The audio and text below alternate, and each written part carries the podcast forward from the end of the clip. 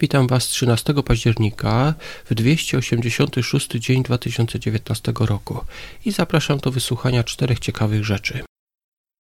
Druga Samuela, rozdział 9. Czytamy tutaj o tym, że Dawid okazuje miłosierdzie Mefiboszetowi. Z jakiego powodu? Być może pamiętamy, że takim najlepszym przyjacielem Dawida był Jonatan i Jonatan prosił, żeby po jego śmierci Dawid okazywał miłosierdzie jego potomkom. I tak się tutaj stało. Mefiboszet jest właśnie synem Jonatana.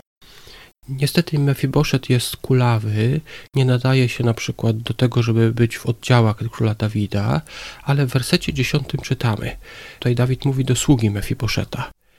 Będziesz uprawiał dla niego ziemię, ty i twoi synowie i twoi słudzy, i będziesz zbierał plony, żeby zapewnić żywność domownikom wnuka twojego pana.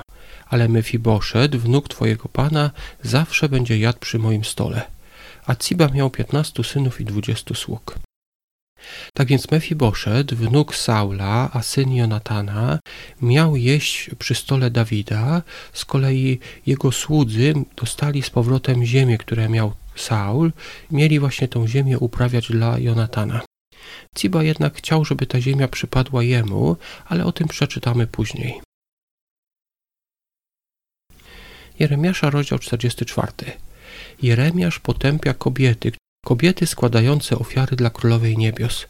Ludzie jednak odpowiadają, że to zapewni im pomyślność. Oni mówią, że przecież w Jerozolimie kiedyś nasze żony składały te ofiary, później przestały, no i przyszedł król Babilonu i no i przyszedł król Babilonu i wszystko stało się źle. Tak więc oni stosują taki sofizmat, który mówi o tym, że czynność, która była wcześniej, spowodowała rzecz, która była później. W tym wypadku akurat brak czynności spowodował nadejście króla Babilonu. Im się wydaje, że to, że oni przestali oddawać cześć królowej niebios, z tego właśnie powodu y, przyszły później wszystkie te klęski.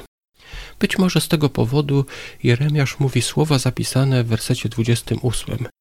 Tylko garstka ocaleje od miecza i powróci z Egiptu do ziemi judzkiej.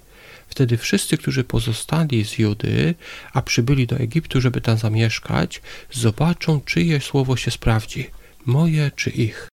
Ostatecznie, kiedy dochodzi do tego rodzaju kłótni, kiedy ktoś się kłóci, na przykład tutaj właśnie, czy to Królowa Niebios, czy y, Bóg Biblii jest tym prawdziwym Bogiem, to w zasadzie ostatecznie taką kłótnię rozwiąże fakt y, tego, co się stanie, tego, czyje proroctwa y, się sprawdzą. Drugi Tesaloniczan, rozdział drugi.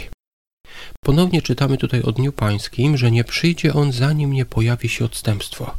Prawdopodobnie niektórzy chrześcijanie w Tesalonice spodziewali się tego Dnia Pańskiego wkrótce. Wczoraj czytaliśmy o tym, że byli oni prześladowani przez swoich własnych krajan, być może właśnie z tego powodu, że było tam tak ciężko, im się wydawało, że to już są te dni ostatnie, że już niedługo przyjdzie koniec. Zobaczmy jednak do wersetu trzeciego. Niech was w żaden sposób nikt nie zwodzi, bo ten dzień nie nadejdzie, dopóki nie przyjdzie najpierw odstępstwo i nie objawi się człowiek grzechu, syn zatracenia. Najpierw miało się pojawić odstępstwo. Prawdopodobnie chodzi tutaj o odstępstwo wśród chrześcijan, czyli mieli się pojawić tacy fałszywi prorokowie, którzy mieli zwieść wielu, bo odstępstwo to nie jest jedna, dwie osoby, to jest wydaje mi się, że to słowo oznacza całą grupę y, ludzi. Księga Przysłów, 31 rozdział, wersety 4 do 7. Królom nie przystoi pić wina, oni muszą podejmować ważne decyzje. Przypominam, że są to prawdopodobnie słowa Batrzeby do Salomona. W wersecie szóstym czytamy Daj alkohol tym, którzy giną, wino tym, którzy są rozgoryczeni i udręczeni. Alkohol uśmierza ból, jest swego rodzaju środkiem przeciwbólowym i też takim środkiem pewnie, kiedy człowiekowi jest ciężko, kiedy ma jakieś ciężkie przeżycia, to wtedy warto może napić się alkoholu. Niestety jest to bardzo zły wybór dla kogoś takiego jak król, który musi podejmować decyzje.